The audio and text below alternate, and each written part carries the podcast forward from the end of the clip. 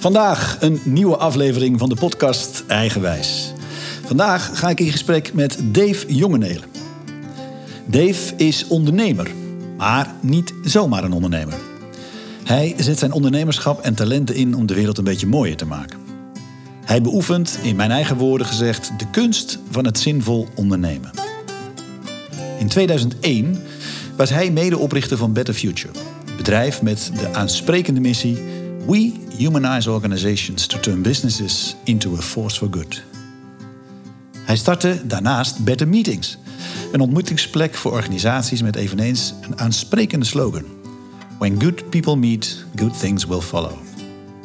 Zijn meest actuele werk is dat Dave co-founder is van Buzz Women, een organisatie die vrouwen met behulp van rondreizende bussen via scholing leert eigen talenten beter te gaan gebruiken en daarmee eigen levensomstandigheden te verbeteren. Dit laatste gebeurt inmiddels in maar liefst 5000 dorpen in India, Gambia en Georgië. Inmiddels zijn ruim 250.000 vrouwen geraakt door dit initiatief en zijn ermee aan de slag. De ambitie is om dit in 2030 rond de 10 miljoen te laten zijn. Dave is duidelijk een man van daden en betekenisvolle resultaten. Wij ontmoetten elkaar twee jaar geleden bij een programma dat ik begeleide voor het Anton Jurgens Fonds, dat uiteindelijk ook een van de sponsoren werd voor Bus Women. Dave draagt een mooie mix van kwaliteiten in zich. Hij, uh, ja, hij combineert zijn dadendrang en drive met zijn rustige, bescheiden voorkomen en zijn helderheid om tot de essentie te komen. En dat, dat raakte mij toen zeer. Met hem wil ik dan ook graag op zoek naar zijn eigen wijze en zijn eigen wijsheid. Dave is getrouwd met Wieke en vader van drie kinderen. Toen ik hem recent belde, zei hij na mijn eerste zin al meteen ja tegen de uitnodiging. Wellicht ingegeven door het feit dat we beiden een liefde hebben ontwikkeld voor het podcast maken. Want met Leaders in Progress is hij zelf namelijk ook podcast-host. Ik zie uit naar het gesprek met deze boeiende man in de Verhalenvanger en podcast Eigenwijs. Welkom Dave. Dankjewel en dank voor de prachtige introductie. Ja, dankjewel. Graag gedaan, man. Ja, boeiend. Fijn dat we elkaar, uh, fijn dat we elkaar spreken, man. En ik vraag me altijd als eerste af, waar ben ik? Want ik ga altijd te gast bij de gasten. Waar ben ik, uh, Dave? Je zit in, uh, op de Utrechtse Heuvelrug, in het mooie Drieberg. En je zit bij ons thuis in de werkkamer. En ja, je bent hier van harte welkom. Mooi, dankjewel. Wat maakt deze plek, of laat ik het anders voor, wat, wat zegt deze plek over jou? Ja, dit is de plek waar ik eigenlijk het liefst vertoef. Als ik uh, even alleen met mijn gedachten wil zijn of dingen wil creëren, dan, uh, dan ervaar ik hier de rust en de ruimte. Het is een uh, ruimte met veel licht, zoals je ziet. En ja, omgeven door dingen die mij dierbaar zijn. Dus voor mij is het een hele fijne plek om te zijn. En toen we dit huis betrokken, toen hebben we nog even getwijfeld of dit de kinderspeelkamer werd. Maar toen dachten we op een gegeven moment, ja, die kinderen zijn toch al all over the place. Laten we nog één ruimte overhouden waar we zelf af en toe kunnen terugtrekken en kunnen werken. En, ja. en ik word het meest blij altijd van een stukje blank papier om, om, dingen te gaan creëren en op te schrijven. Dus dat is wat ik vaak hier doe. Ja, prachtig. Dave, even om voor de luisteraars jou wat nader te introduceren. Hè. En, um, ik ja, de insteek is eigenlijk even de familie. Als, als je je eigen familie neemt, jij komt uit het Limburgse land. Uh, wat is het verhaal wat in het gezin, in een familie altijd verteld werd over Dave? Wat wel erg volgens hen illustratief was voor jou. Ik denk dat dat is dat ik al bij de geboorte een dwarsligger was, zoals mijn moeder altijd zei. Ik lag letterlijk dwars. Ja. En ik denk dat ik heel erg mijn eigen pad kies in de familie. Dus ik ben heel erg onderdeel van de familie, maar ik kies ook eigenlijk een ander pad dan mijn ouders deden en mijn zus uh, ook deed. Dat zijn ook ondernemers, in dat zin uh, lopen hetzelfde pad. Maar ik had altijd zoiets van, ik wil weg uit het Limburgs en de wereld is groter en ik wil mijn eigen dingen ontwikkelen. En mijn ouders hadden een kledingzaak en mijn zus die runt nu de kledingzaak, wat ik heel mooi vind. Maar ik had altijd zoiets van, ja, voor mij is dat niet mijn pad. Er is totaal niets van te horen. Waar is die G gebleven? Nou, we kennen ook platkallen, dus dat, uh, thuis is het uh, van dialect. Ja? Maar toen ik ging studeren en als je dan uh, drie keer je biertje moet bestellen in, in een kroeg, dan dan houdt het snel op, ja. Ja. Mijn zus vindt het nog steeds vreselijk om mij zo Nederlands te horen praten, zeg maar. Dus eh, thuis is het gewoon dialect en dat voelt ook eh, als het echte thuis. En als jij in het kort vertelt even, want je gaf al een paar dingen aan, waar, waar, zeg maar, waar jouw wordingsweg gestart is. eh, en hoe, dat, eh, ja, hoe zeg maar, de gezinssituatie jou gevormd heeft. Wat Nou, wat heel wezenlijk is, wat ik me achteraf nog meer ben gaan beseffen, is van. Mijn moeder die had als kind een hele grote droom. En dat was om eh, een kapsalon te beginnen, maar dan niet de dorpskapsalon in uh, Stramprooi, waar ik vandaan kom in eh, Limburg. Maar eh, de beste salon van Parijs. En die droom was fantastisch, maar dat mocht niet van mijn opa en oma, haar, ouders. Die zeiden dat vieze haar van mensen, daar ga je toch niet in zitten. En, eh, dus ga jij maar naar de huishoudschool. En eh, dan word je een goede huisvrouw. En eh, uiteindelijk is mijn moeder in de zaak die mijn opa en oma hadden. Die, mijn opa was zadelmaker in het dorp. En mijn oma had daar een soort winkel met allemaal huishoudelijke spullen. En mijn moeder is op een gegeven moment daar wat jurken in gaan hangen.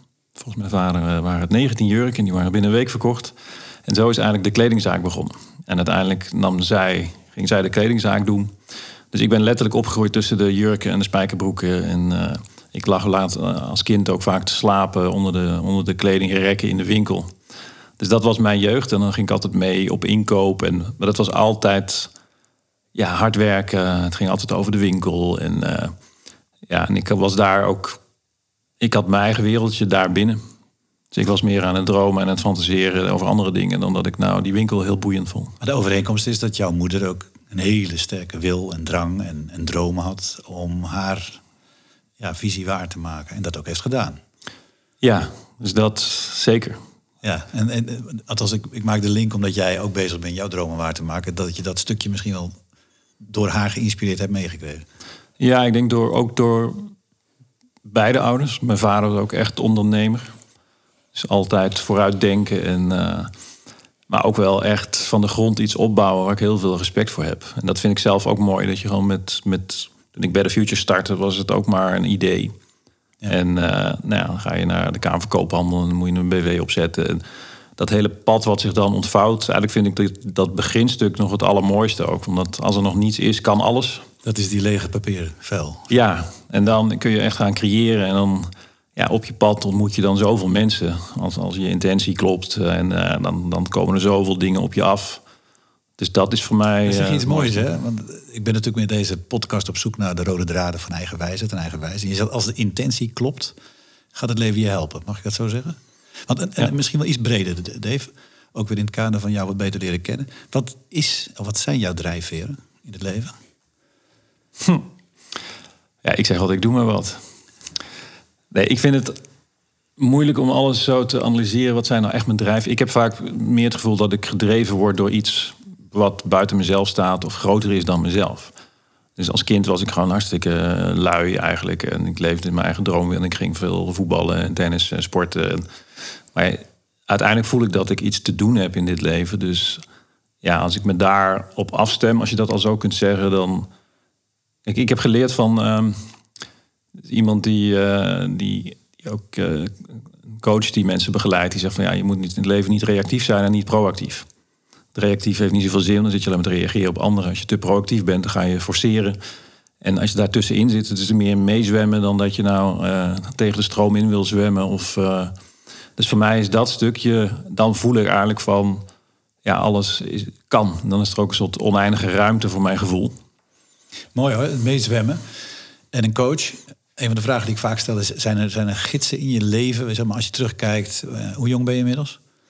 Eh 49. 49. Nou, als je dan terugkijkt, dan zijn er belangrijke mensen geweest in je leven. Ehm, en ik weet dat er één in het bijzonder is, daar gaan we zo meteen op in. Maar zijn er gidsen geweest die jou als het ware de goede kant op lieten zwemmen? Als ik het zo mag zeggen. Ja, ik had het hoofd van de school vroeger al. Werd je gevraagd, wat wil je later worden? Nou, in mijn eh, eh, beperkte blik op de wereld op dat moment denk ik van... was een soort combinatie van wat ik leuk vond. Van eh, sporten vond ik leuk. En eh, nou, ik kende eigenlijk eh, niks dan een winkel om me heen. Dus dat was een sportzaak, dacht ik. En toen zei het hoofd van de school... nou, ik denk dat er wel meer in je mars ligt. Dus ja, dat kan altijd nog. Dus dat was een mooi momentje. En toen ging ik later, werd ik eh, na mijn studie... Toen werd ik consultant. Als je dan niet precies weet wat je wil worden, dan word je consultant. En ehm, daar moest ik een artikel schrijven voor een blad. Vond ik ook heel mooi. En toen had ik iets geschreven waar ik eigenlijk wel heel blij mee was. En toen kreeg ik als feedback van... ja, dit is echt zo'n MBA-stuk van hartstikke slim. Maar het is niks van jezelf. En het is niks eigenlijk nieuws of creatiefs. Dus dat vond ik ook wel mooi. Van, ja, dat je daarop gechallenged wordt. Ja. En ja, mijn grootste gidsen in het leven zijn uh, mijn, mijn vrouw Wieke. Wieke is voor mij, uh, ja, die inspireert mij in alles. Die brengt echt uh, de licht, het licht en de liefde in mijn leven. En ja, houdt me ook juist bij die zuivere intentie.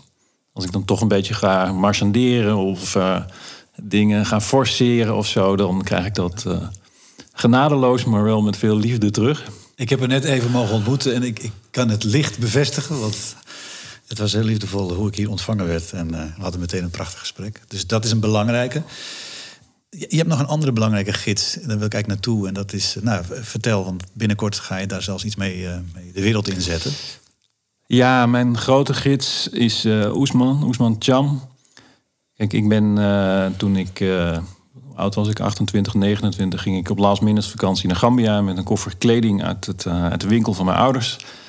En tijdens die reis kwam ik, uh, werd ik uh, in contact gebracht met uh, Oesman. En Oesman is voor mij een van de meest wijze mensen op deze wereld. Die ook zo diep eigenlijk naar mij luisterde met zoveel aandacht. Dat ik eigenlijk voel, ja, hij heeft dingen uit mijzelf gehaald die ik zelf niet eens wist dat, dat in me zaten. En daar is eigenlijk een prachtige vriendschap uit ontstaan. Hoe deed hij dat?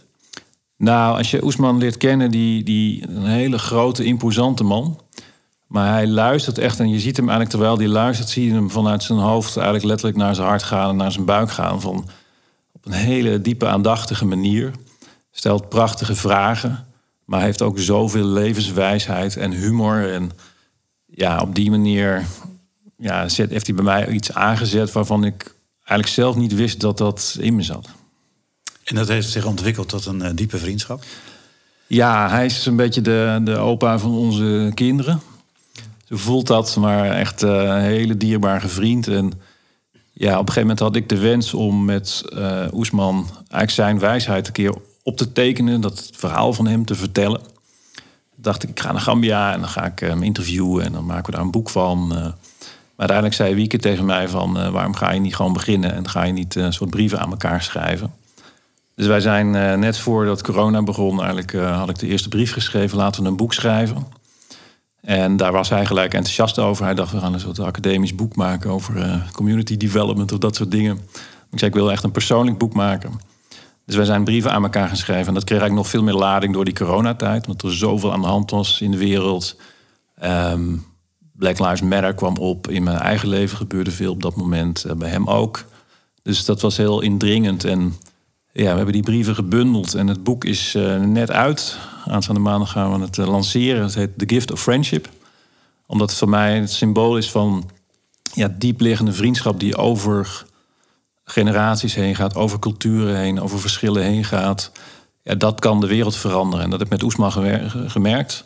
Zowel uh, Better Future als Bus Women zijn eigenlijk ontstaan uit mijn gesprekken met hem. En ja, als je ziet van wat er dan gebeurt, en dat is ook Oesman zijn motto van uh, when good people meet, good things will follow. Hij is de originele dingen. Ja, dus die mooie slogans die jij noemde, die komen uh, in ieder geval, die komt uit zijn koker. Ja. Mooi. Ik heb uh, een, een, preview gehad van jouw boek. Ik heb de eerste twee hoofdstukken kunnen lezen. En wat ik las, vond ik oprecht boeiend. in die eerste twee hoofdstukken schrijven jullie elkaar hoe jullie de start in het leven is geweest. De familiesituatie, hoe je groot bent geworden, hoe je kindertijd heeft bijgedragen aan wie je bent geworden. Oesman begint met zijn verhaal en jij reageert daarop.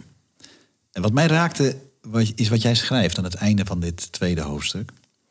Wij beiden, en ik citeer, wij beiden delen een intrinsiek verlangen om een verschil in het leven van anderen te maken. Voor mij voelt het als een onzichtbare kracht die mij voorwaarts duurt. Een vriendelijke, maar vastberaden hand die de introverte, enigszins luie kleine Dave voortstuwt. Uh, die me uit mijn comfortzone dwingt en me dingen laat doen die ik me op voorhand niet kon voorstellen. En vervolgens vraag jij aan je beste vriend Oesman of hij ook gelooft in die onzichtbare hand. En hij gaat daar vervolgens op antwoorden, maar ik ben zo nieuwsgierig naar je eigen antwoord. Uh, geloof je dat je geleid wordt door een grotere hand, door een grotere weten? Ja, zeker. En hoe ervaar je dat? Hoe werkt dat voor jou? Ja, dat vind ik moeilijk te beantwoorden. Ik, ik voel het als ik in volledige ontspanning ben en in verbinding ben met mezelf en met andere mensen. Maar dan voel ik ook, als er een gedachte bij me opkomt of een gevoel, dan weet ik ook dat het klopt. Als er dan een idee opkomt, uh, bijvoorbeeld we zijn met, met nu een paar mooie dingen aan doen, maar dan voel ik ook dat het in essentie klopt. Als ik daar dan ook nog eens een beetje zeg maar, weerstand op krijg, dan weet ik helemaal dat het klopt. Want dan, dan zijn we niet aan het verschuiven of aan het veranderen. En wat bedoel je met weerstand? Nou, dat niet iedereen dat gelijk ziet of denkt van, nou, dan heb je weer een idee. Of, uh, of het juist niet ziet zitten, zeg maar. Dan, uh, dat, dan, dat stimuleert me eigenlijk in van, wauw, daar, daar zit iets. Maar dat komt eigenlijk van binnenuit. Ja, en dan gaan dingen ook vanzelf in beweging komen en stromen. En dan kost het nog steeds veel moeite om het uiteindelijk voor elkaar te krijgen. Uh, maar ja, dan. Daar zit, daar zit dan, ik noem dat de, ja, je intuïtie, het innerlijke weten. Je krijgt een soort, ja, nou laten we met de hand noemen, hè, die zegt: uh, dit klopt. Die ja. herken ik hoor. Maar vervolgens heb jij ook uh, al bewezen in al die dingen die je aan het doen bent en hebt gedaan. Dat er dan een, een, een energie loskomt die ook zeer vastberaden is. Ja, maar dat voelt wel als je het eerste draadje van het web gaat spinnen, dan gaat vervolgens gaat het universum meedoen om dat voor elkaar te krijgen. Dan ontmoet, dan ontmoet ik in één keer hele bijzondere mensen en dan vallen dingen op zijn plek. En dan, ja, dat is het magische wat er dan gebeurt. Het is een soort, soort hand die ook de juiste mensen en ontmoetingen en, en ervaringen op je pad zet. En dat is waar het begin bij die eerste stap maken en op pad durven gaan ook zonder het, het antwoord te weten en het einde te weten. En dat is natuurlijk wat, wat denk ik veel mensen afschrikt. Maar ja, ik heb daar plezier in. Juist als ik het niet weet, dan raak ik soms ook wel eens gefrustreerd. Dan ga ik in mijn hoofd zitten en denk, oh, dan ga ik het forceren. En dan denk ik, nou, dat werkt dus niet. En, dan... en dat vind ik super interessant, hè, wat je zegt. Want ik herken 100% wat je zegt. Maar dan zeg je, als je in je hoofd gaat zitten... we gaan natuurlijk allemaal dingen bedenken. Dan gaan we de scenario's maken. En ik heb, volgens mij heb je ook bedrijfskunde gestudeerd, net als ik. Dan ga je visie maken, strategie, bla bla. Ja, nee, nee, nee, dat niet. Oh, dat niet? Nee. Wat heb jij gestudeerd? Bedrijfskunde, ja. Ja, nou, dat, uh, IDM, internationaal bedrijfskunde. Maar daarin wordt een soort uh, maakbaarheid van de wereld je aangeleerd. Hè? Dus je moet eerst visualiseren, dan moet je strategie, doelstelling enzovoort. Niet verkeerd. Maar eigenlijk wat je zegt, diep onderliggend, als je het gaat over je eigen wijze volgen, je eigen wijsheid, gaat het vooral eerst en vooral om je contact te maken met, met, die, ja, met die innerlijk weten. Zeg ik dat goed? Ja, en al die scenario's, en ik vind dat flauwekul. Als ik terugkijk naar bedrijfskunde, dan weet je, heel veel strategie en powerpoints. Voor mij is de echte wereld ja, daar gebeurt het. En daarnaar luisteren en daar dingen in uitproberen en je daarop aanpassen en weer verder brengen. En dan is nog steeds, ik hou van wel de denkkracht en een visie bedenken. En tegelijkertijd, als ik naar de reis met Bus Women kijk de afgelopen tien jaar, nou, dan is vrijwel alles wat ik bedenk, blijkt niet te kloppen of te werken. En, maar het zet wel iets in beweging en dan kom je er vanzelf achter wat wel werkt. Ja, het helpt om de beweging te Is zo ook Better Future ontstaan? Ja, Better Future is uit een, impuls eigenlijk uit die vakantiereis gekomen. Dat, en achteraf denk ik van, dat was ook mijn confrontatie met een wereld waarin mensen zo graag willen leren en maar geen toegang hebben. En terwijl ik naar mijn eigen leven kijk, denk ik, bij ons kon eigenlijk alles. En ik kon eigen keuzes maken in, in vrijwel alles. En welke school ik wilde doen, of opleiding, of mogelijkheden die ik had. En nu werd ik geconfronteerd met mensen die dat niet hadden, maar ja, zoveel, misschien wel ambitieuzer in het leven stonden. En dat was voor mij een soort van gewaarwording van wauw. Als we dat nu eens kunnen helpen om die mensen ook die mogelijkheden te geven. En we verbinden dat met mensen zoals ik en wat dat mij gebracht heeft in mijn leven en hoe me dat verrijkt heeft. Ja, dan hebben we een prachtige formule. En even voor de luisteraar, Better Future. Kan je het kort uitleggen wat, wat het voor Ja, Better Future begon eigenlijk vanuit het ideaal van die mensen daar uh, in Gambia in eerste instantie was dat Um, die geen toegang hebben tot fantastische uh, leermogelijkheden, zoals uh, echt goede leiderschapsprogramma's of om je ondernemerschap verder te ontwikkelen. Het doel van Better Future was om dat naar hen toe te brengen. En dat deden we door um, leadership experience te organiseren, waarin ook mensen uit, uit Nederland in eerste instantie meededen. Echt met de intentie om van elkaar te leren en de wereld in die zin kleiner te maken. En aan beide zijden echt met elkaar in gesprek te gaan en Tegelijk werkten we aan lokale initiatieven en dat versterken, maar waar het eigenaarschap altijd bij die lokale mensen was. Dus dat soort journeys zijn ontstaan in 2003. En ja, ik vond dat fantastisch altijd om te zien van wat er dan gebeurt op menselijk vlak. En of je nou uh, een visitekaartje hebt waar uh, CEO op staat en je verdient hier veel geld. Of je zit in, in, in een Afrikaans dorp en, en je leidt daar een initiatief. Op menselijk niveau is, zitten daar geen verschillen in. Als je elkaar daar ontmoet. En The Future is eigenlijk een soort enorme katalysator geweest voor mensen om ja, hun eigen hart meer te volgen. In verbindingen tussen mensen, in initiatieven te stimuleren.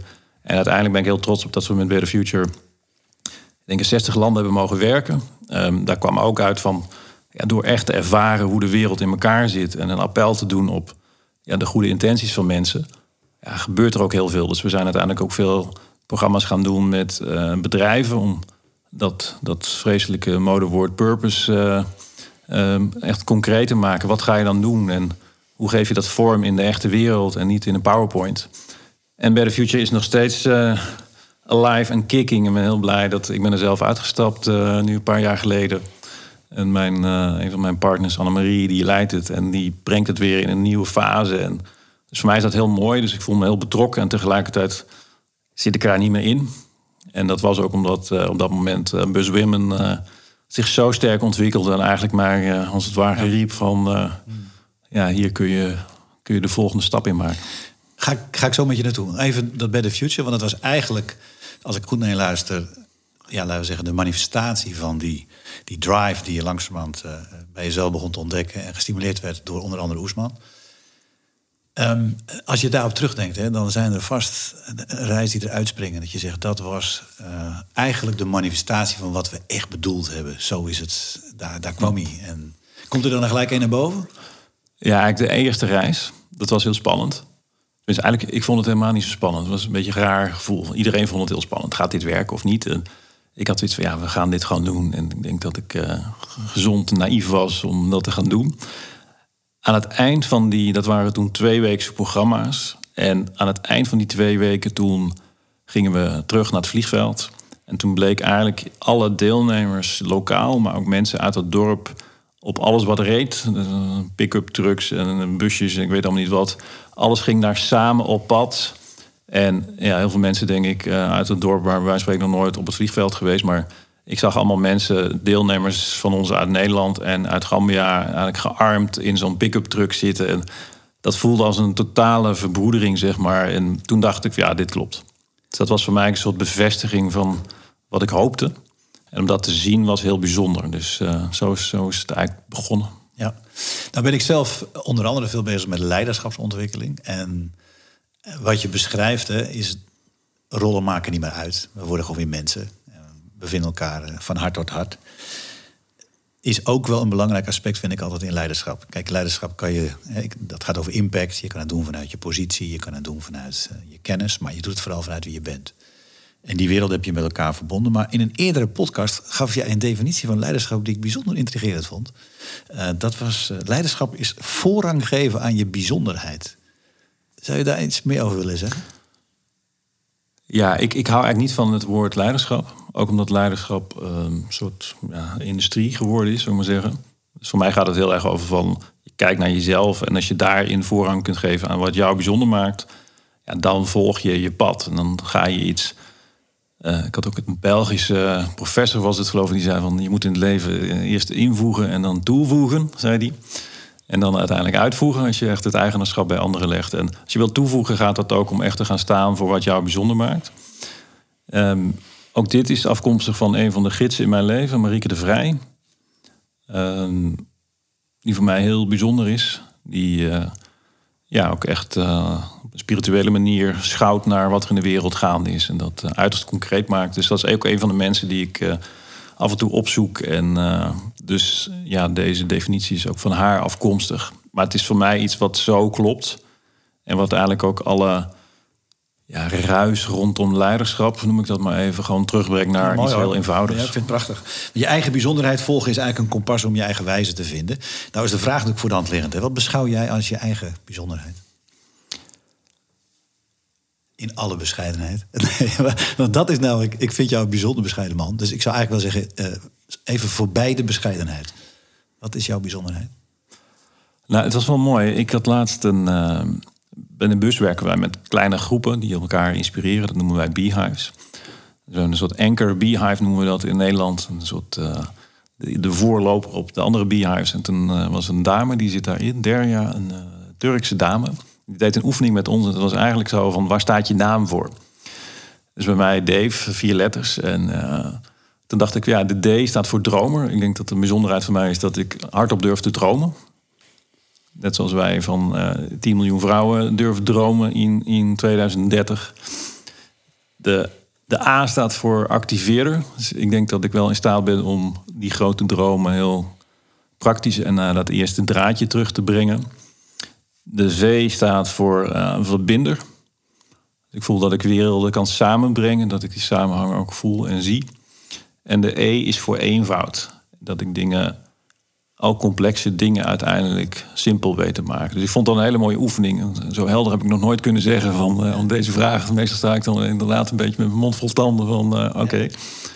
Maar daar zit voor mij wel een aantal elementen die, ja, denk heel erg bij mij passen. En... Ja. De dromer, de activeerder, de verbinder en de eenvoud. Ik vind hem ik vind het prachtig. Die heb je vervolgens ingezet, dat is een mooi bruggetje, naar Bus Women. Nadat je dat daarvoor met Better Future had gedaan. Even voor de luisteraar. Women even context geven. Wat is de drijfveer? Hoe ontstaat het en waar gaat het om? Bus Women ontstond uit een gesprek wat ik met Oesman had. Tijdens een leiderschapsprogramma van Better Future. In een Afrikaanse, in een Gambiaans dorp. En we hadden pauze en tijdens de pauze kwam uh, de rest van het dorp als het ware binnenlopen. Zo voelde dat voor mij. En die mensen begonnen ons allemaal vragen te stellen. En mijn collega die daarbij was, uh, Erik Jan, die was in de pauze een nieuw programma aan het leiden voor de rest van het dorp. Zeg maar. zo, zo voelde dat. En toen ontstond een discussie tussen mij en Oesman van hoe zouden we de mensen die letterlijk en figuurlijk buiten de poort staan, hoe zouden we die kunnen bereiken? En uh, wat ik heel mooi was, die leergierigheid vond ik heel mooi. En tegelijkertijd riep het bij op van, ja, het is een beetje de druppel in de oceaan. We doen een heel mooi programma hier met vrij weinig mensen relatief. En daaromheen is een soort van oceaan van mensen die dat heel graag willen. En met name de vrouwen, die hebben minste toegang tot educatie, tot ontwikkeling.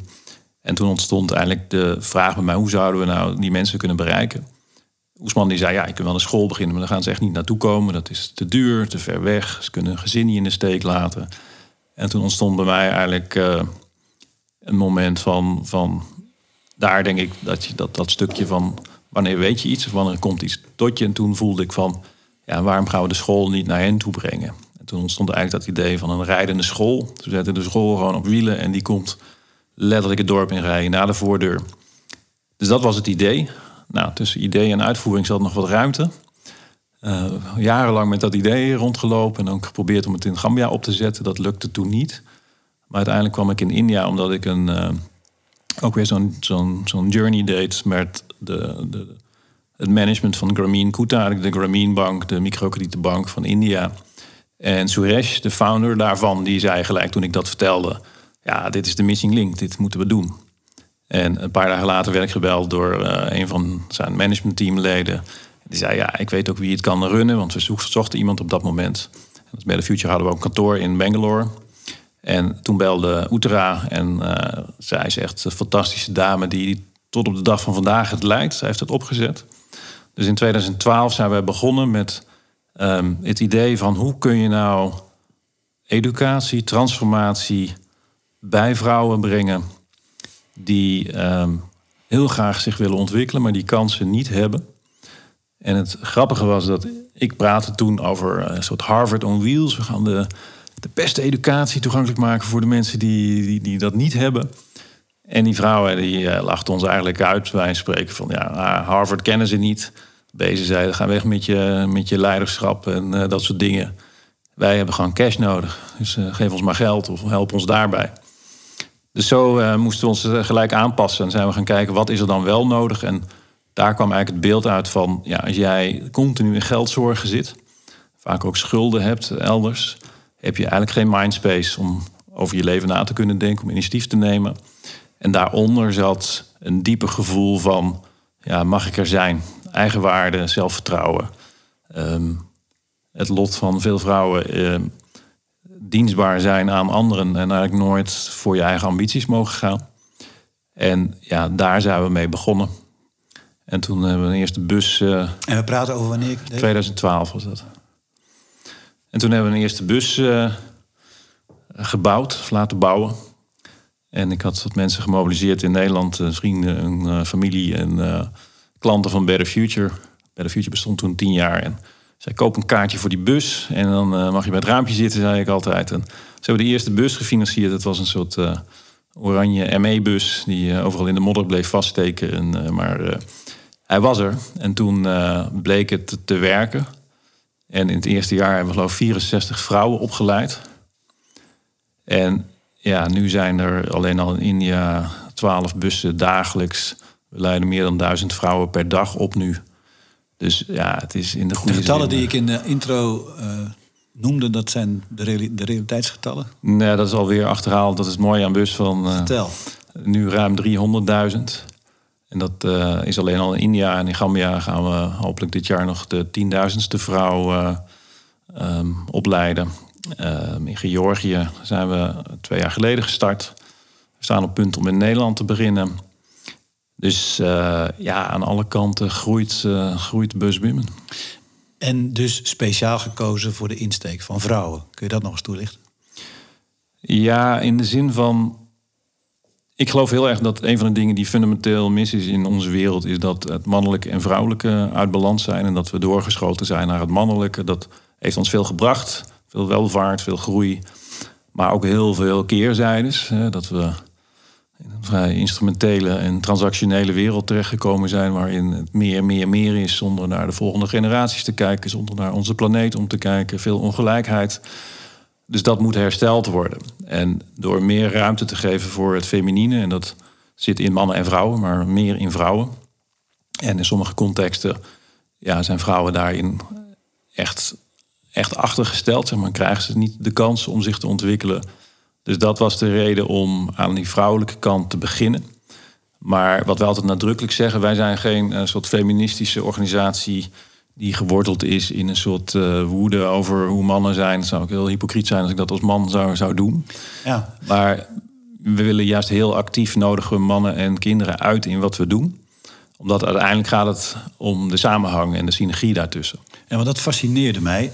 Vanuit mijn eigen vak ben ik eigenlijk ook altijd bezig om dat, zoals jij het noemt, de feminine kant binnen leiderschap te stimuleren. Ik ben vader van twee dochters. Uh, ik herken, op, toen ik in de voorbereiding van dit gesprek zat, heel, herken ik heel erg de, nou ja, laten we de erkenning van wat je net zegt, hè, de, verschuiving naar meer de feminine kant. Tegelijkertijd vond ik het fascinerend. Ik ga met deze man praten, Dave, en ik ben ook zo'n kerel die zegt: er moeten veel meer vrouwelijke elementen eh, in onze maatschappij komen. Maar dat is toch een beetje, ehm, vind ik, zoeken als man omdat we het, ja, ook in dit geval, het is een pure op vrouwen gerichte organisatie. Um, eigenlijk mijn vraag is: wat zouden wij kerels als mannen meer moeten gaan doen? Anders moeten gaan doen of niet moeten gaan doen? Om dat stuk waarvan je terecht zegt, het, het zit in beide. Het is, niet een, eh, het is geen polarisatie, in tegendeel. Het moet integratie worden. Maar wat zouden vanuit jouw ervaring. Nou, ik denk het heel simpel is. Het is veel meer luisteren naar vrouwen. Ik heb echt geleerd, letterlijk ook in meetings, en dat vrouwelijke gevoel de vrouwelijke intuïtie of aanvoelingsvermogen is zo zuiver. Dat als je echt goed naar een vrouw luistert, eh, ook in ons eigen team, waar, waar zit de, de richting? Uh, dan kun je als man daar dingen aan toevoegen vanuit dat mannelijke in de zin, we gaan het dan een structuur geven of uh, de, de, typische daadkracht of we gaan het wat groter maken of dat weet je dat het dat. Maar het beginpunt echt bij het vrouwen, daar zit het volgens mij ook fundamenteel mis. Als je mannen iets laat bedenken, en dat gebeurt natuurlijk in heel veel organisaties, dan is het uh, meer van hetzelfde. Dan is het veel meer groeigericht, veel meer ten koste van anderen. Het wordt meer competitie.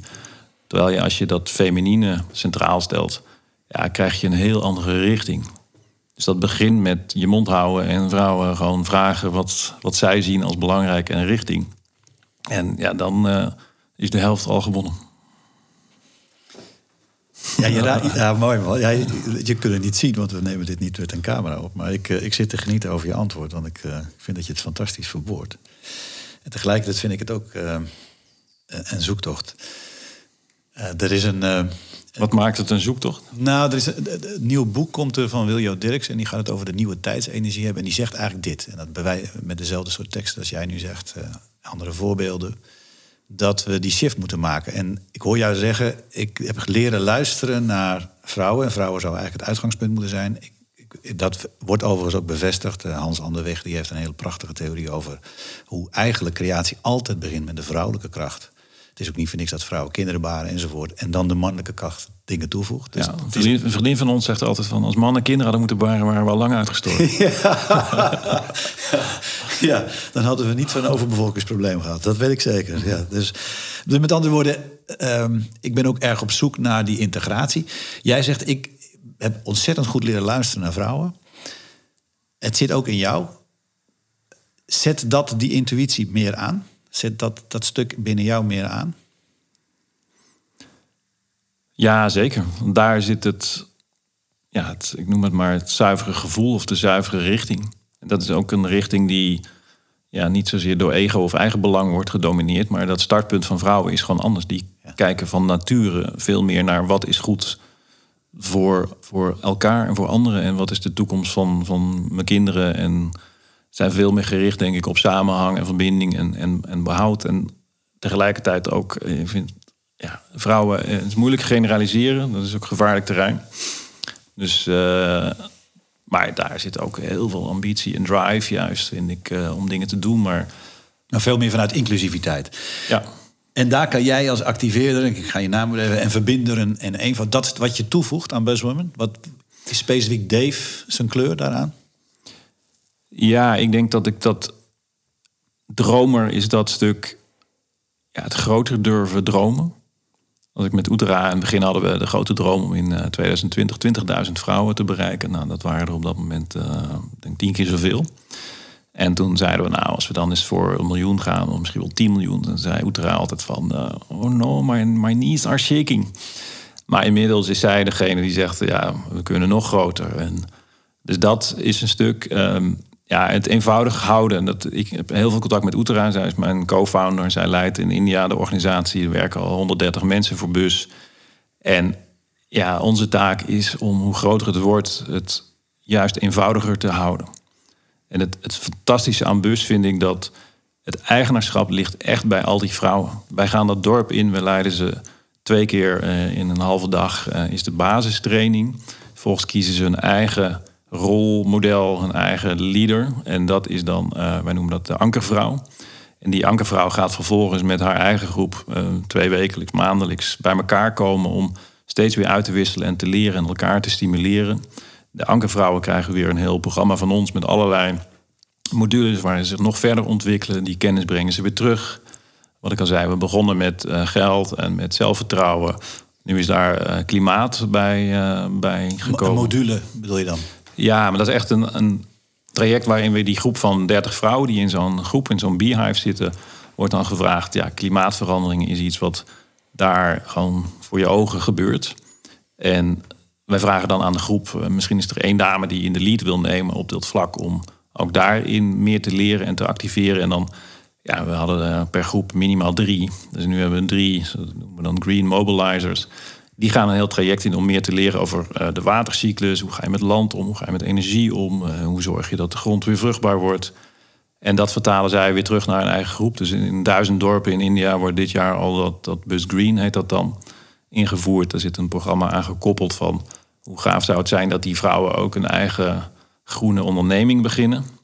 En dat is de ultieme win-win. Dat ze en, en geld verdienen, maar juist met met, uh, met groene en, en milieuvriendelijke ondernemingen. En is dan jouw rol om dat soort modules, uh, de goede mensen bij elkaar te krijgen en, en het te ja, vertalen naar een programma? Dat wordt lokaal uh, ingevuld. Dus ik ben daar ondersteunend in. Maar uiteindelijk gaan ze dat lokaal testen. Ik heb met bus is het altijd de vraag van is, het, is het toegankelijk en is het relevant? In het begin hadden we vrouwen die niet opkwamen daar of niet terugkwamen. En dat was gewoon omdat het of te ingewikkeld was of niet relevant was. Dus het moet iets zijn wat je kunt leren en dan gelijk toepassen, wat echt in de dagelijkse context past. En dat is fantastisch om dat ja, als een soort uh, positief dwangmiddel te hebben van uh, je geen flauwekul verkoopt, maar dat het echt uh, gelijk leidt tot, tot gedragsverandering en actie. Ja. Als je, het is een enorme beweging geworden en het gaat door. En het, nou ja, daar word je natuurlijk ontzettend blij van. Want het, het is een manifestatie van eigenlijk jouw, jouw dromen, jouw kwaliteiten en je wensen. Als je terugkijkt, weer terug even naar eigen wijze.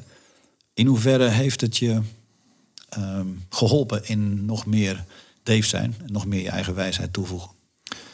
Ja, dat is een mooie vraag. Ik denk heel veel. Bij Better Future zat ik nog wel vaak in de stand van ehm, het beter denken te weten dan anderen. Of uh, te veel verantwoordelijkheid op mijn schouders laden. En um, ten dragen, zeg maar. Daar had ik vaak ook fysiek last van. Dan uh, kreeg ik uh, spanning in mijn nek of, of zat migraine en dat soort dingen. Dus dan merk je dat het lichaam reageert. Bij bus is dat veel minder, omdat ja, het eigenaarschap ligt hier zo bij, bij die vrouwen dat ook in coronatijd konden we met die bussen niet rijden. Maar we voelden gewoon van, dit gaat gewoon door. Alles ging door, terwijl het een soort onstopbare beweging. En dat past ook wel bij mij, omdat ik, je moet mij niet iets laten managen... in de zin van dat ik het moet aansturen of uh, dat kan ik helemaal niet, dat wil ik niet. Maar als ik iets kan ondersteunen wat ja, zijn eigen energie heeft... en ik kan daar iets dingen aan toevoegen en af en toe ideeën aan toevoegen en dingen weer eenvoudig ja, maken. En, en, dan vind ik je nu echt bescheiden, want uiteindelijk als we teruggaan naar de oorsprong, is de vlam ontstaan daar in Gambia. Die heb je aangestoken en dan ben jij de, laten we zeggen, het vliegwiel gebleken. Ja, maar ik heb heel erg geleerd van dat is mijn kwaliteit, maar die kan alleen maar tot uiting komen. Als Oetra er niet was geweest, was dit er niet geweest. Ja. Maar zonder mij was het er ook niet geweest. Dus die, dat stukje, ik wil daar ook niet vals bescheiden in zijn. Maar dat vind ik ook het mooie. En dat heb ik echt geleerd van alles wat ik in werking wil zetten, dat heb ik samen met anderen te doen. En vroeger was mijn neiging nog wel van, ik trek me wel terug in, in een kamertje en dan ga ik het antwoord bedenken. En dan kwam ik uh, blij terug met uh, wat ik dacht dat goed was. Nou, dat heb ik wel afgeleerd. Dat doe ik nu veel meer samen en in samenspraak. En, en is ook veel krachtiger. En is Buzzwoman is natuurlijk nu je, je, je fulltime job. Met, zoals ik je nu leer kennen, vermoed ik dat er af en toe weer lege blaadjes gevuld willen worden. Uh, nieuwe ideeën? Uh, of is Buzzwoman 100% jouw aandacht? Ja, ik, volgens mij zei Jules Deelder ooit van... Uh, ook binnen de lijntjes is oneindig veel ruimte. Dus met bus is het aan de ene kant zaak om te focussen. Maar daarbinnen ontstaan continue vernieuwingen. Zoals de, de vraag van de vrouwen uit de landen komt nu van... we willen een juniorprogramma. We willen ook die mindset van... Bij bus is leidend wat wij Shakti uh, noemen, wat ze in India Shakti noemen, de, de godin van het vrouwelijke, van de innerlijke kracht, de vrouwelijke scheppingskracht. Eigenlijk dat oerprincipe wat leidend zou moeten zijn in, in de wereld. Ja, dat willen ze ook bij de jongere generatie. Dat willen de vrouwen overdragen aan hun kinderen. Dus ze helpen ons om zo'n programma. Dat is een voorbeeld. Uh, we zijn met ecopreneurs bezig, dat groene ondernemers. Een voorbeeld is dat uh, vrouwen lokaal uh, soort organic tandpasta maken zodat we niet, dat ze niet Colgate uit de fabriek hoeven te kopen, wat van ver komt, maar gewoon lokaal gemaakt van natuurlijke materialen. En vrouwen verdienen daar geld mee. En tegelijkertijd ja, is het natuurlijk ook qua ecologisch veel beter. Dus dat zijn voorbeelden waar we nog veel meer op willen. Dus de ruimte is oneindig, zeg maar, voor mijn witte blaadjes. Uh, ja, snap ik. En ik begreep dat jullie ook nu ook in Georgië gestart zijn. Ja, dat was een mooi verhaal van uh, Oetera. Die gaf een speech en er zat uh, de baas van een microfinance organisatie in de zaal. En die zei, dit willen wij ook in Georgië. En ik denk, nou, dat zal wel. Maar ze waren zo vasthoudend dat we uiteindelijk ook daar begonnen zijn. Dus en voor mij... Hoe, hoe, gaat dat? Dan ga je daarheen en hoe, hoe creëer je dat? Ja, dat is um, ook weer een fantastische dame. Bij ons zijn het allemaal dames die de organisaties leiden in de landen. Uh, Maya is daar degene die het leidt.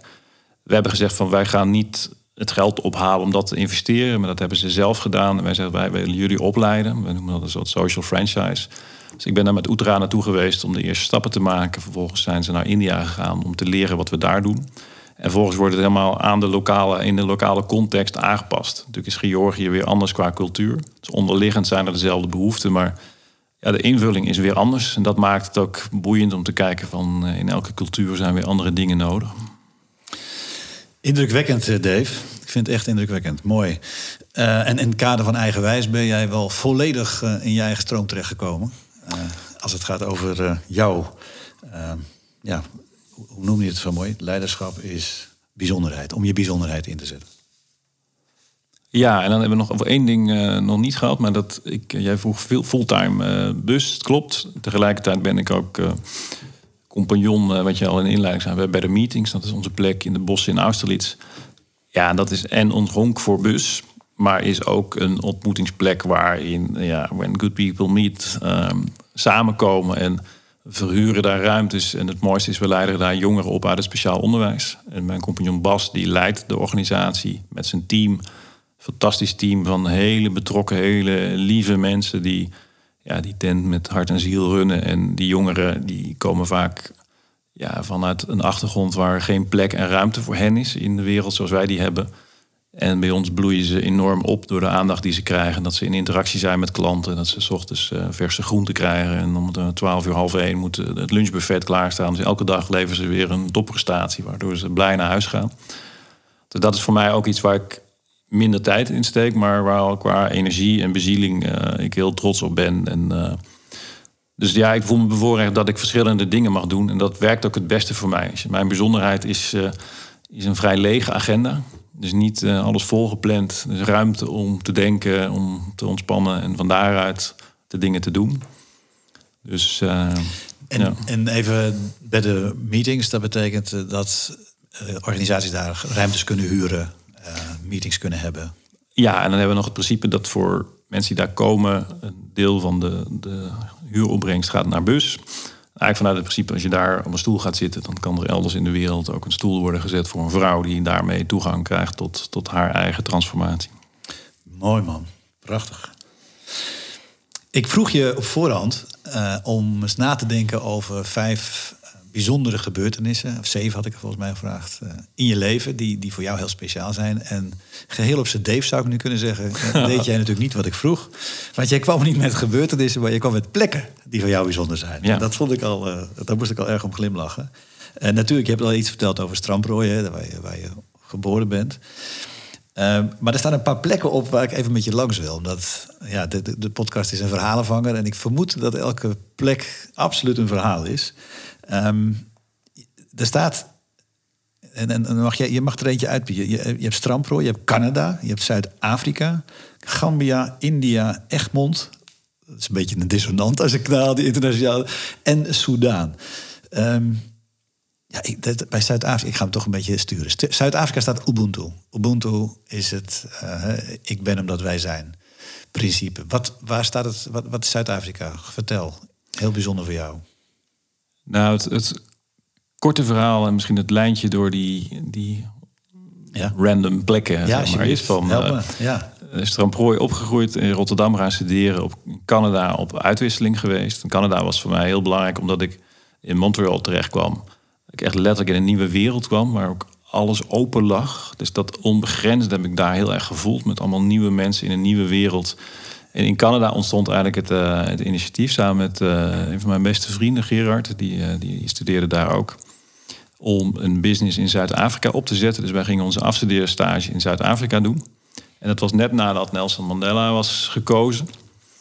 Ehm, ja, een land waar zoveel aan de hand was en zoveel op het spel stond. En dat had ik als Nederlander eigenlijk nooit zo gevoeld van die urgentie en die drive en de problemen en alles deed er daartoe. En tegelijkertijd ging ik met Gerard gingen wij uh, onderzoek doen naar mogelijkheden in toerisme en kwamen we op allerlei plekken. Um, werden we uitgenodigd en vaak zaten we ook op plekken dat we dachten van ja, als ik niet toevallig blank was geweest, dan had ik hier niet eens aan tafel gezeten. Dus het was heel heftig om te voelen ook en het onderscheid te zien tussen mensen en de historie die daar was. En ja, dat thema van medemenselijkheid. Uh, hangt een portret van Nelson Mandela hier aan de muur. Uh, is voor mij echt een inspiratiebron ook om ja, op een veel zachtere manier naar de wereld te kijken en te proberen minder snel te oordelen en juist andere werelden op te zoeken. En tegelijkertijd ja, is Zuid-Afrika voor mij zo'n bijzonder land, maar ook zo'n heftig land. Ik was er een aantal jaar geleden nog een keer en toen ben ik uh, zijn we de Tafelberg opgelopen. Toen keek ik zo uit over en dan zie je eigenlijk uh, heel veel townships liggen. En denk van wauw, ja. er is nog zoveel te doen. En uh, ook met bus zouden we dat graag uh, ook daar dingen opzetten. Maar dat is voor mij Zuid-Afrika en die filosofie van Ubuntu, die medemenselijkheid en de, de notie dat ja, ik alleen maar besta bij de gratie van een ander en dat we allemaal verbonden zijn. Ja, is voor mij de de meest wezenlijke. En in bus, wat ik het mooi vind, is dat... Uh, met Oeter had ik erover. Het is een beetje on, uh, toen als Shakti Ubuntu zou ontmoeten, zou de wereld fantastisch uh, opknappen. En dat proberen wij ook te doen in wat we doen. Maar die medemenselijkheid en tegelijkertijd dat, dat feminine als startpunt, ja, dat, dat is wat mij inspireert. En toen kwam Gambia. Dat heet, daarachter schreef je thuiskomen. Ja, Gambia is voor mij mijn thuisland. Ik ga volgende week zondag voor het eerst weer naar Gambia sinds corona. En ja, ik kan niet wachten. En uh, het boek aan Oesman te overhandigen. En voor mij voelt Gambia als echt thuiskomen. En dat is letterlijk bij vrienden en familie. Maar ook als mens thuiskomen in een plek waar zoveel warmte is, zoveel aardsheid is, zoveel verbondenheid. Ik vind altijd dat zij mijlenver voorlopen op ons. Dus in het boek is ook mooi van die eerste twee verhalen die we schreven van Oesman die vertelde hoe hij opgegroeid is en ik. En dat ik in mijn verhaal had over ja, alle privileges die ik heb gekend in mijn leven. En dat, ja, dat voelt ook wel ingewikkeld als ik zie hoe ze daar uh, moeten leven vaak. Nog steeds. En dat Oesman eigenlijk schreef van ja, I feel so sorry for you. Het is zo erg dat jij in uh, zulke, ja. zulke sociale armoede bent opgegroeid. Weet je wel, van ja, ja. ja en dat is het ook van. Uh, ik denk de sociale armoede hier is, is minimaal net zo goed als de materiële armoede daar. Het is maar net welk perspectief je neemt. Ja, dus voor mij is Gambia echt mijn thuisplek en waar ik ook oplaad. En ik voel me daar ook nog, nog losser dan in Nederland. Gewoon van als mens. En Afrika brengt het, uh, het diepe, het wezenlijke en tegelijk het lichte, het vrolijke en ja, het plezier in het leven. Dus uh, dat vind ik een hele mooie combinatie. Het paradijs in Egmond, vertel eens.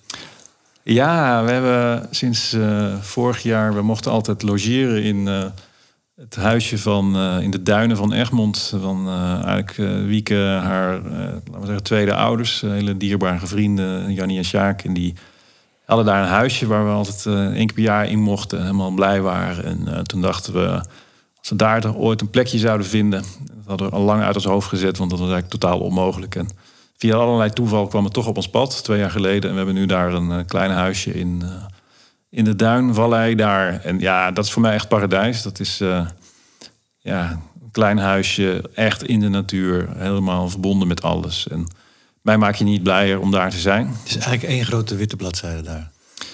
Ja, en, en totale verbondenheid met, met de natuur en met buiten. En ja, dat voel ik me eigenlijk het meest op mijn gemak. En lekker naar zee en in zee gaan zwemmen en door die duinen struinen. En, uh, dus dat voelt als uh, paradijs en uh, gelukkig niet al te ver weg. Zo. Nou, ja, ik woon zelf in Alkmaar, dus ik ja. kan het letterlijk voelen waar je het over hebt. Dus ik, uh, ja, zeker, prachtige plek. Hele andere vraag, uh, Dave. Je hebt, vind ik, een, je eigen wijsheid uh, gevolgd, gevonden en je bent het aan het volgen. En daarin vind ik je bijzonder trouw. Mijn vraag is, heeft het volgen van je eigen wijsheid ook een prijs gehad? Heeft het je ook iets gekost?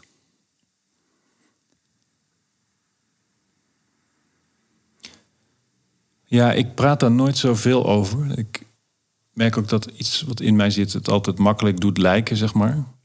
Maar het heeft me veel gekost, denk ik. Van ja, heel veel energie. En ook wel, als ik aan de andere kant naar mijn leven kijk, denk ik van ja, best wel uitdagingen gehad. Van uh, mijn moeder werd uh, ernstig ziek, zeg maar, al op jonge leeftijd. Uh, al mijn sportieve ambities en hobby's gingen eigenlijk in, in, in duigen in één keer, doordat ik een zware knieblessure kreeg. Dus voor mij zijn er ook zat uitdagingen geweest, altijd.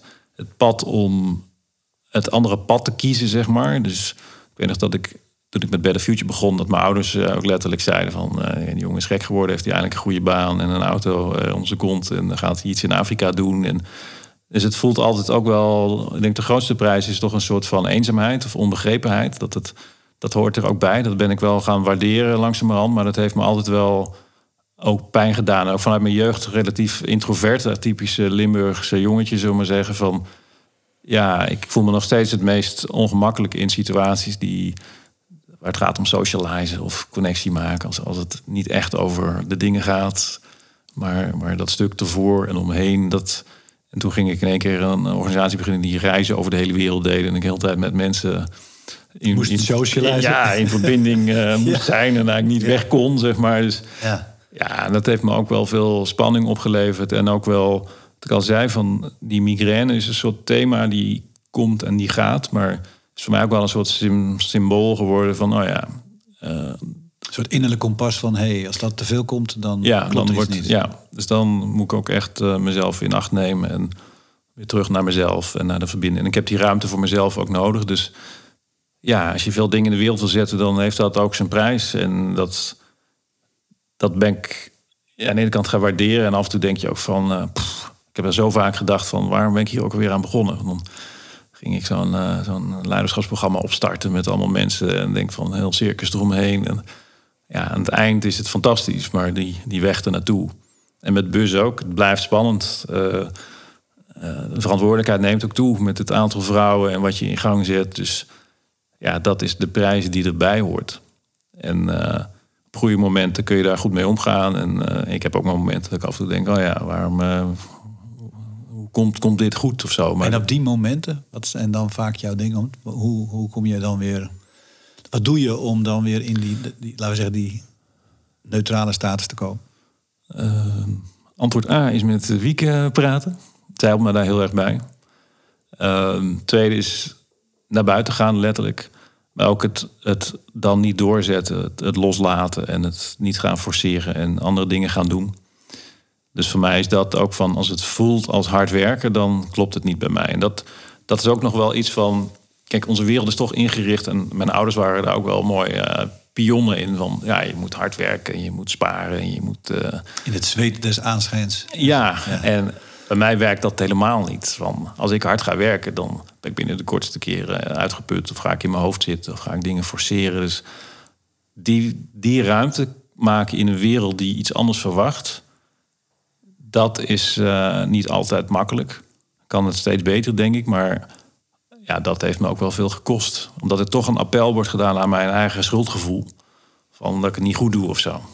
En dat is iets dat, ja. dat haalt me dan eruit. En, en, en bedoel je te zeggen, want ik, ik, dan projecteer ik mezelf, mijn eigen situatie. Ik kom ook uit een, gezin van ondernemers. En gij zult hard werken. Om, eh, niet zo uitgesproken, maar zo werd het wel gedaan. Dat je op het moment dat jij beschrijft... ik werk het beste met een lege agenda... of tenminste een niet zo volle agenda met een leeg blaadje... dat is natuurlijk ongeveer het contrast van waar je vandaan komt. Want dat wordt al heel snel. Als mijn moeder zei altijd... Uh, gaan we doen we dan een schimmeltje gat. Dat was wel zo'n soort uitspraak. Ja. Uh, met andere woorden, ik herken heel erg wat je zegt. Dat je dat schuldgevoel hebt van... Hey, eigenlijk moet ik meer doen? Is dat wat je bedoelt of is het anders? Ja, doe, doe ik genoeg en doe ik het wel goed? Ja. Omdat er op beide wordt op gedrukt. Ja. En tegelijkertijd weet ik van ja, mijn pad is dat pad niet. En, uh, en de ander heeft dat wel. En ik heb ook vrienden die ik heel erg bewonder omdat ze heel veel doorzettingsvermogen hebben en juist harde werkers zijn. Ja, dat is niet mijn pad. Nee, mooi. En zo heeft ieder zijn eigen wijsheid en zijn eigen wijze. God, Dave, ik vind het een prachtig gesprek. Eh, maar we gaan al een beetje naar richting het einde. En ik wil toch even aandacht voor het feit dat jij zelf, net als ik, eh, podcast-host bent. Ja. Dat is volgens mij een nieuwe lood aan de stam. Daar hebben we het nog helemaal niet over gehad. Uh, maar ook hier uh, weer vrouwen. Leaders in Progress. Als ik het goed zeg, de podcast over vrouwen die aan het roer staan van maatschappelijke ontwikkelingen. En jullie hebben als slogan: waar staan ze voor en waar gaan ze voor? Opnieuw komen we bij vrouwen terecht. Je doet het samen met Nadine Klokken, CEO van de Knapbank. Hoe is het ontstaan en wat voegt het toe aan alles wat we met elkaar nu al gedeeld hebben? Het ontstond uh, op het schoolplein uh, bij mijn, uh, toen ik mijn kinderen naar school bracht. En Jeroen Broekemaar die heeft zijn eigen podcast, Leaders in Finance. En was daar zeer bevlogen over. En een van zijn kinderen zit bij mij weer, mijn kind in de klas. En zo praten we daarover. En toen hadden we eigenlijk oh, dat zouden we eigenlijk ook met dat verhaal van al die vrouwen die dit al, al lang doen. En dat verschil maken. En op hun eigen manier um, beweging in de wereld zetten. Hoe mooi zou het zijn om die meer aan het woord te laten en podium te geven. Dus eigenlijk in lijn met de filosofie van, uh, van Buzz. Zo is het ooit begonnen. En nadien die ontmoette ik weer van door iemand die ons al heel lang steunt. Uh, die bij, uh, bij Egon zat, uh, Maarten Edixhoven. En die zei, we gaan een vrouwelijke CEO bij KNAP krijgen. En ik nou, met Nadine gaan praten. En dat klikte heel erg. En toen zijn we eigenlijk de, de podcast gaan maken. En ja, ik vond het begin heel spannend. Van uh, hoe doe je dit? En uh, ik weet niet hoe het voor jou was, maar in ieder geval was voor mij weer een nieuwe tak van sport. Zeker, helemaal. En, en maar inmiddels uh, 12, 13 prachtige gesprekken gevoerd. Juist over die bezieling, over die, die denk, vrouwelijke kracht. En, maar soms is het, het hoeft ook niet vrouwelijk of mannelijk te heten. Het zijn gewoon bijzondere mensen met een bijzonder verhaal. Maar je gasten zijn wel vrouwen. Ja, en dat is ook wel de bewuste keuze van um, ja, juist vrouwen en hun verhaal kunnen denk ik ook dat stuk nog veel meer gaan aanzetten. Dus daar willen we de spotlight meer op zetten.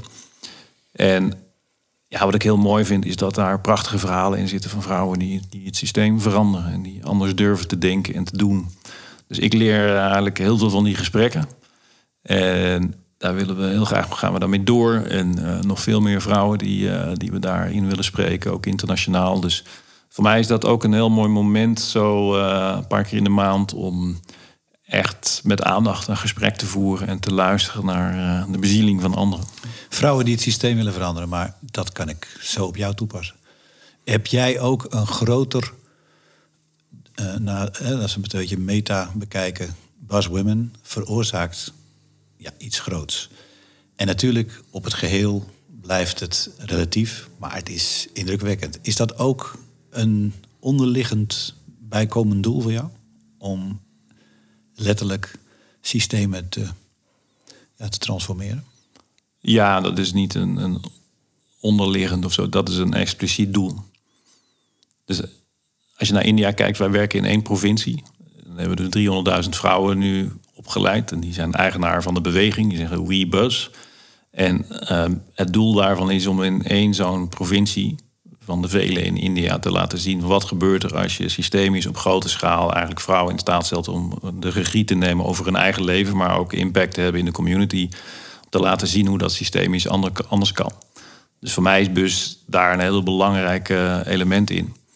Dus dat is ook het systemische stuk waarbij wij eigenlijk zeggen van als we af kunnen van dat grondprincipe waar we niet eens meer doorhebben. En dat is dat we te doorgeschoten zijn in dat mannelijke. En een soort winner takes all maatschappij leven. Is dat we systemisch naar iets anders toe willen. En dat is dat we veel meer naar elkaar gaan kijken. En met z'n allen uh, het goed hebben. En daar past heel erg in van een van de dingen die wij zeggen. Wij moeten naar synergie tussen het mannelijke en vrouwelijke. Wij merken ook van als je het over vrouwenrechten gaat hebben met mannen. Dan voelen ze zich eh, gelijk aangevallen of het is niet interessant. Maar als je het over synergie gaat hebben, hoe kunnen we nou samen dingen oppakken? Ja, dan komen er dingen in beweging. Dus wij hebben nu al programma's in Gambia waar mannen ook aan meedoen. Dat gaat alleen maar meer worden. Ik heb mijn eigen beehive, brohive hebben we dat genoemd in Nederland, met een groepje mannen. Om het zelf ook te doorleven. Gisteren hadden we weer een hele mooie sessie. Ja, dat is ook van je echte verhaal kunnen doen, kunnen delen en elkaar daarin supporten. En ook wel aanmoedigen in die bijzonderheid waar we het over hadden. Van juist elkaar aan te moedigen van ga nou in die bijzonderheid staan en ga niet doen wat iedereen al doet of wat er van je verwacht wordt. Prachtig. We gaan naar, uh, en nog even vooruitkijkend, future. en in jouw geval is het bijna een onmogelijke vraag, want dat blaadje is nog wit. Maar wat zou je nog donders graag een keer willen doen? Wat heb je eigenlijk nog niet geleefd, zou je kunnen zeggen? Ja, ik zou heel graag met het gezin nog veel meer de wereld in gaan. Ik merk dat onze kinderen daarvoor eh, gemaakt zijn. Misschien elk kind, maar dat avontuurlijke, dus een, een rondreis, misschien wel langs alle busstationnetjes in de wereld. Uh, dat zou ik heel graag doen. Um, ja, en mezelf blijven verwonderen en ontwikkelen. En nog veel meer tijd in de natuur doorbrengen. Um, en de rest qua echte dromen van met bus kan ik zoveel kwijt in wat in me zit. En van daaruit ontstaan ongetwijfeld weer meer, meer dingen. Ik, uh, iemand heeft me ooit een soort veel verbeteraar genoemd. Dus ik, uh, kan, het niet laten, ik kan me toch niet laten om uh, ook met andere dingen te bemoeien en met mensen mee te denken.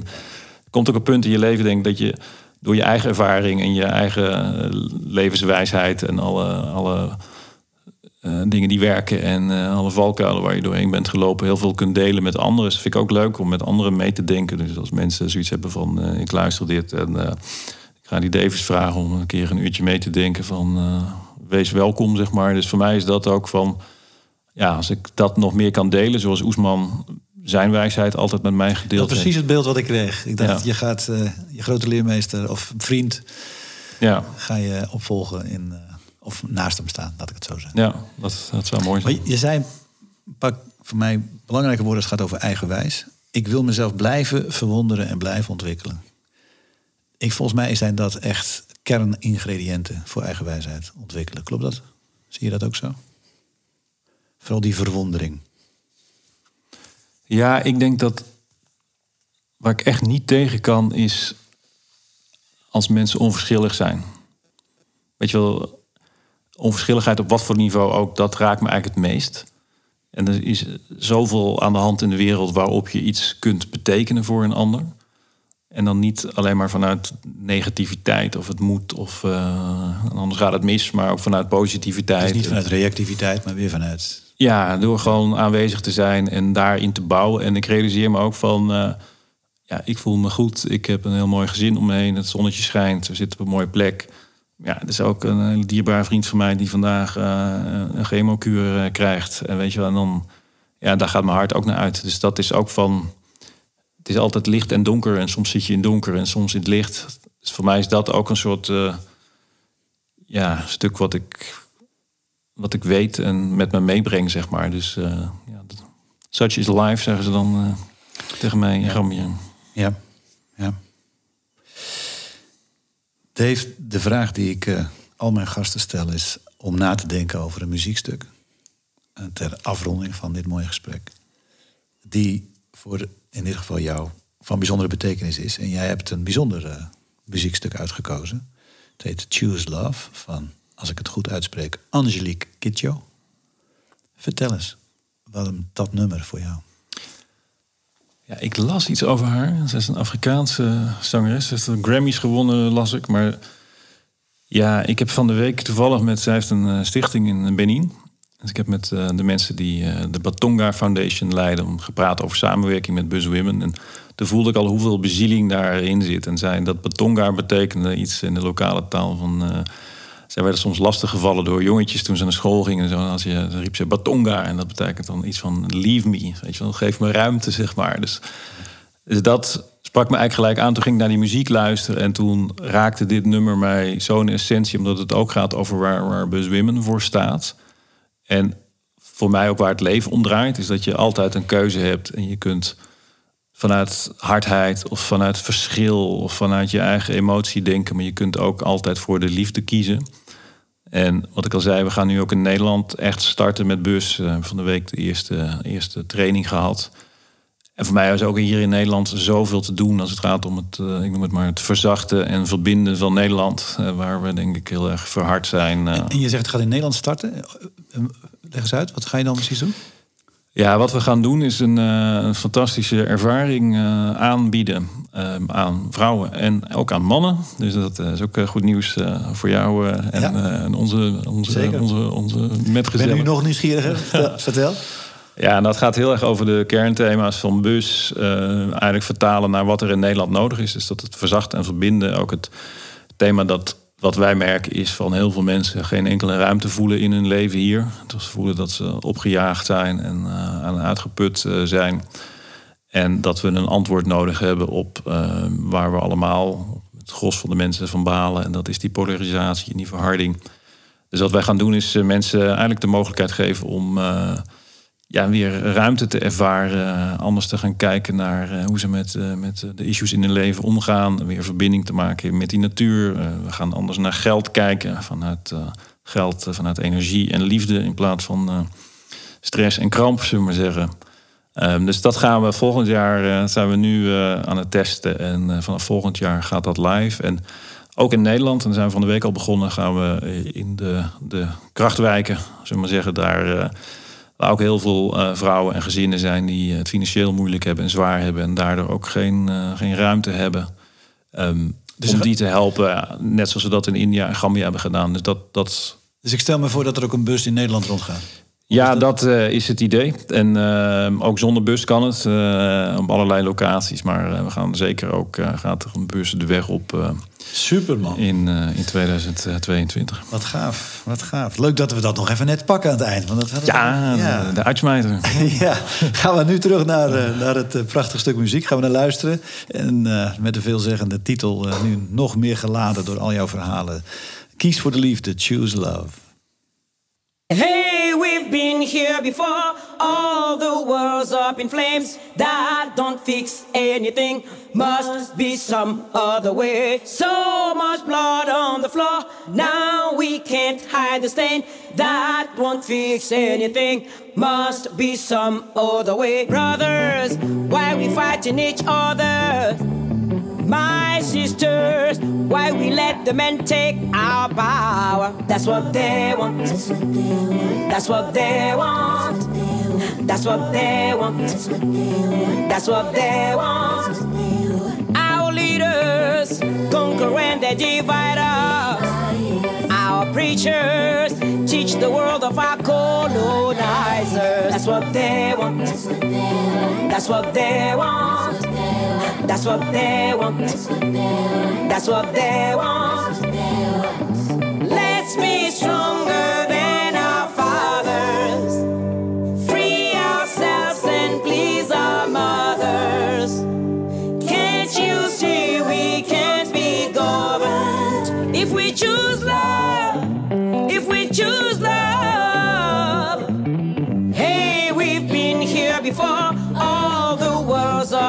That don't fix anything. Must be some other way. So much blood on the floor. Now we can't hide the stain. That won't fix anything. Must be some other way.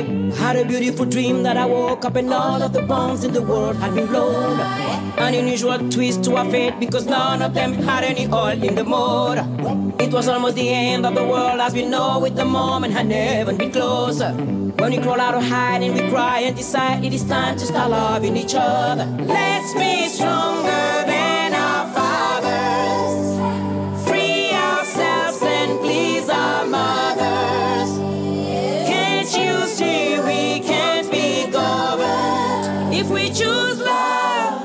If we choose love. If we choose love. If we choose love.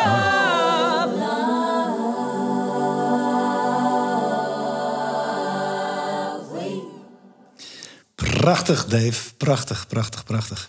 We zijn uh, gekomen, man, aan het eind uh, van, uh, van deze podcast. Even. Ik heb het idee dat ik met jou nog uren kan doorpraten. En, hoe heb je het gevonden? Ja, mooi. Het is mooi in je eigen plek je eigen verhaal te mogen vertellen en te mogen delen. En heel veel dank voor de mooie vragen en de voorbereiding. En, nee, het voelt heel fijn om het te kunnen delen. En het is, het is ook helemaal rond zo. Dus, ja. Ik vond het ook echt speciaal, man. Echt speciaal. Voor de luisteraar, als je wat meer over Dave wil te weten komen, is natuurlijk uh, veel mogelijk. Ga bijvoorbeeld naar buzzwomen.nl, dat is de Nederlandse versie. Als je .org eraan koppelt, dan krijg je de Engelse versie. En wat leuk is, je vindt daar ook een treffend filmpje over het werk van Buzzwomen. Zodat je daar een beter beeld nog van kunt, uh, kunt gaan vormen.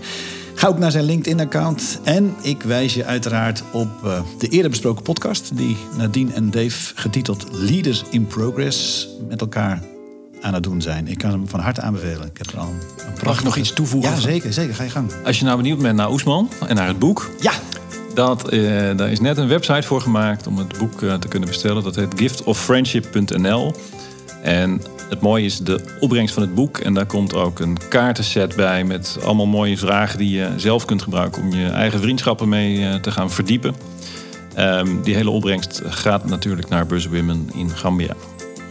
Prachtig, want ik kan bevestigen, ik heb twee hoofdstukken gelezen. Het zijn twee mannen die eigenlijk op kleurrijke wijze, als het even in mijn taal, hun harten openen en grote levensthema's uitwisselen. En uh, ja, dat doen ze eigenlijk. In, ik vind dat je dat in een hele bloemrijke taal doet. Heel prettig leesbaar. Het raakt. Dus even, Dave, dit hebben we niet afgesproken, maar ik promote het van harte. Uh, Dankjewel. Echt, echt een aanrader. Nou, wil je mij tenslotte als Frank Pronk nog iets vragen over deze podcast, feedback geven of anderszins? Ik ben bereikbaar op frankpronk.me.com of via LinkedIn. En wat betreft deze podcast, Eigenwijs, verwijs ik je naar een reeks andere boeiende interviews met boeiende mensen die je kunt beluisteren. Vol met verhalen vanuit verschillende ervaringswerelden. De wereld van kunst, cultuur en media, van maatschappelijk ondernemen, persoonlijke ontwikkeling en van business. Met als rode draad het vinden van jouw eigen wijze. Voor nu, dank voor het luisteren en heel graag tot een volgende keer bij de podcast Eigenwijs. Dave, dank. Dankjewel.